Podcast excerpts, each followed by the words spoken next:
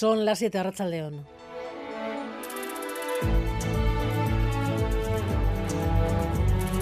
Gambara con Arancha García. Y han llegado Melchor, Gaspar y Baltasar preparados para una larga noche y toda la ilusión en la calle a pesar del frío y la lluvia. David Veramendi, Arrachaldeón. Arrachaldeón, muy buenas tardes a todos. En efecto, a pesar de la lluvia, el viento, los truenos y hasta el granizo que hemos tenido esta tarde aquí en Donosti, los Reyes Magos no han querido suspender la tradicional cabalgata Ahora el tiempo nos ha dado una pequeña tregua, felizmente. La cabalgata ha salido a las 6 desde el Boulevard con sus cinco carrozas, los pajes y los numerosos grupos de animación. Estamos en la calle Prin en estos momentos y como os podéis imaginar esto es una locura con miles de niños gritando el nombre del rey preferido e intentando coger el mayor número de caramelos. Escuchen.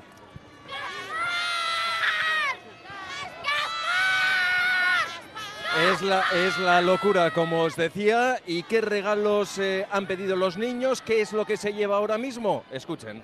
Un esqueleto que dispara fantasmas, una cosa de cristales, eh, arena mágica, igual ya está. Un peluche de Hello Kitty, uno de Tweety y juego de cocina.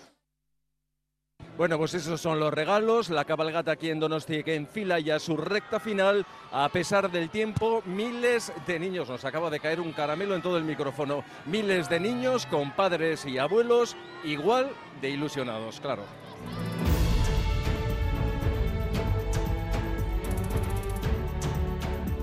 La huelga del personal de tierra de Iberia está llevando, entre tanto, a la desesperación a cientos de viajeros obligados a dejar sus maletas en tierra. Los vuelos están saliendo, pero el equipaje o no se factura o no se mete en el avión. Los bultos empiezan a amontonarse y quedan otros tres días de huelga por delante. Gary Suárez en el aeropuerto de Loyo, Arrachaldeón. Arrachaldeón Arancha, sí, en este aeropuerto de Loyo en el que se está viviendo una jornada bastante movida a causa de la huelga en el servicio de handling. Aquí durante el día hemos tenido pues lo que decías, pasajeros que han tenido que montarse en sus vuelos sin saber si sus, si sus maletas iban a viajar con ellos, muchos retrasos y también varias cancelaciones. Por la tarde, en salidas, la gente pues con mucha incertidumbre, no saben qué pasará con sus maletas y en la zona de llegadas varios equipajes, varias maletas, varios bultos apilados sin dueño y mucha gente esperando durante horas a que le llegue su equipaje. Pues mal, ¿cómo voy a estar? Si pretendía estar en Londres hoy, pues esta noche y en mi casa y nada, no, no puede ser. Por lo pronto nos dijeron que teníamos que esperar. Puede ser que salgamos, volamos 19.30 nuestro vuelo a Viena, puede ser que sí, puede ser que no. Yo no vengo con maleta porque estaban diciendo que había un montón de vuelos que salían pero no llevaban las maletas, entonces vengo con una mochila de equipaje de mano. Después de facturar la maleta han cancelado el vuelo y entonces han tardado en sacar las maletas.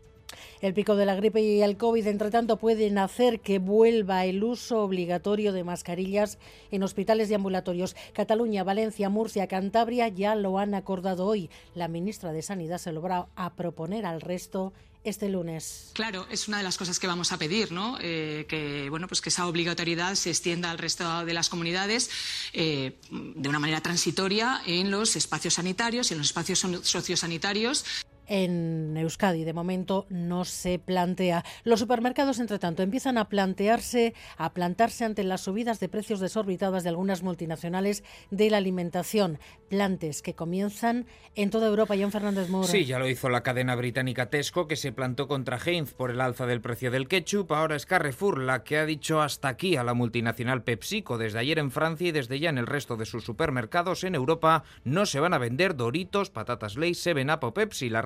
La subida del 7% que quiere imponer PepsiCo con el nuevo año, un alza de los precios que Carrefour califica de inaceptable. Las empresas vascas sufren ya los efectos del cierre del tráfico de mercancías por el Mar Rojo. Las grandes navieras internacionales han abandonado, están abandonado esa ruta para evitar los ataques de los yutíes del Yemen y eso está retrasando el suministro de materias primas. La falta de caucho va a obligar a Michelin Gasteiz a suspender la producción otro fin de semana este mes, en total cuatro días. Eso cuando la comunidad internacional trata de evitar la escalada del conflicto en Oriente Próximo. El líder de Hezbollah ha llamado a responder al ataque del martes en Beirut en el que murió el número 2 de Hamas.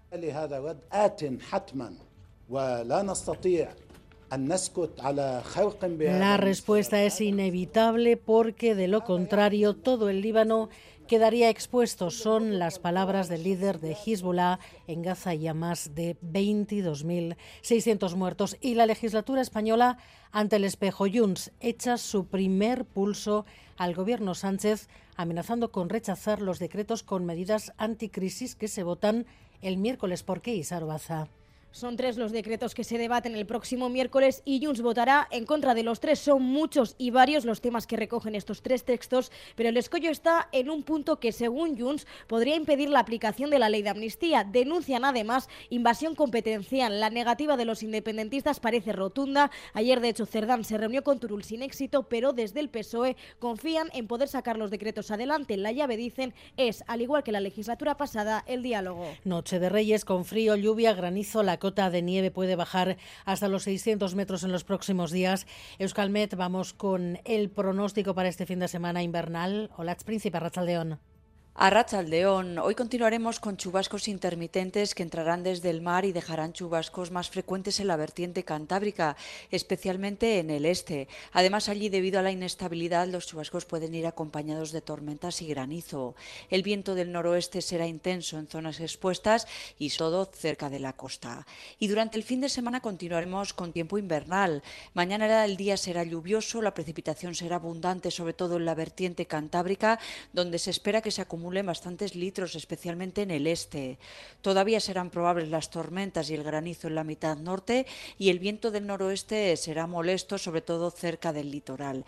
El ambiente será frío, la cota de nieve en general rondará los 700-900 metros, pero puntualmente bajará hasta los 600 metros, sobre todo de madrugada y por la noche.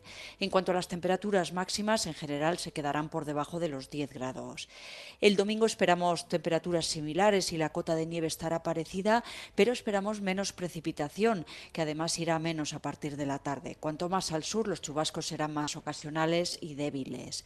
Por lo tanto, ambiente invernal, con chubascos que serán frecuentes y abundantes en la mitad norte y en algunos puntos intensos, con viento fuerte del noroeste y nieve a partir de los 700 metros, ocasionalmente a 600 metros. Para el domingo esperamos menos precipitación. En carreteras, precaución en la AP68, en Orozco, sentido Bilbao, el carril derecho está cortado por una salida de calzada. Hay dos heridos leves. Y los deportes, Edu García, Rachaldeón. ¿Qué tal, Rachaldeón? Pues con mucha actividad en los frontones hoy. Por ejemplo, tenemos partido de la octava jornada del Parejas ya en juego en el frontón Biotíbar de Tolosa. De momento, Pello Echeverría y Zabaleta ganan 18-12 a Ezcurdia y a Tolosa. Y para esta noche, uno más. Los líderes juegan Jaca y Maris Correna contra los colistas, contra Lasso y contra Aranguren. Y además de la pelota, que también nos va a llevar hoy a la cesta y a la pala.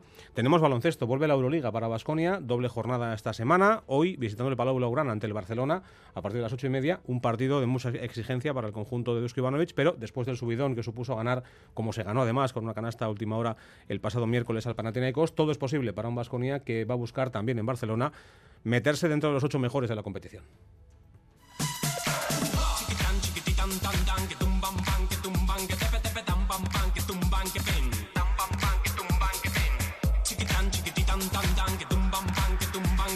5 de enero, 8.000 personas han terminado hace pocas horas su fiesta de Nochevieja en una rave en Murcia.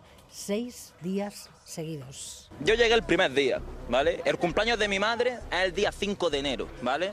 Desde aquí felicidad a mi madre si no llegó para tu cumpleaños. Como la viña del Señor hay de todo. Que yo me muevo mucho en este ambiente, me movido en todo y este ambiente para mí es el más sano. Pues hasta que el cuerpo lo pida. ¡Estamos vivos! Que la peña aquí va, va de aquella manera, va... Aquí algunos no sabemos ni cómo vamos a volver a nuestra casa, pero no pasa nada.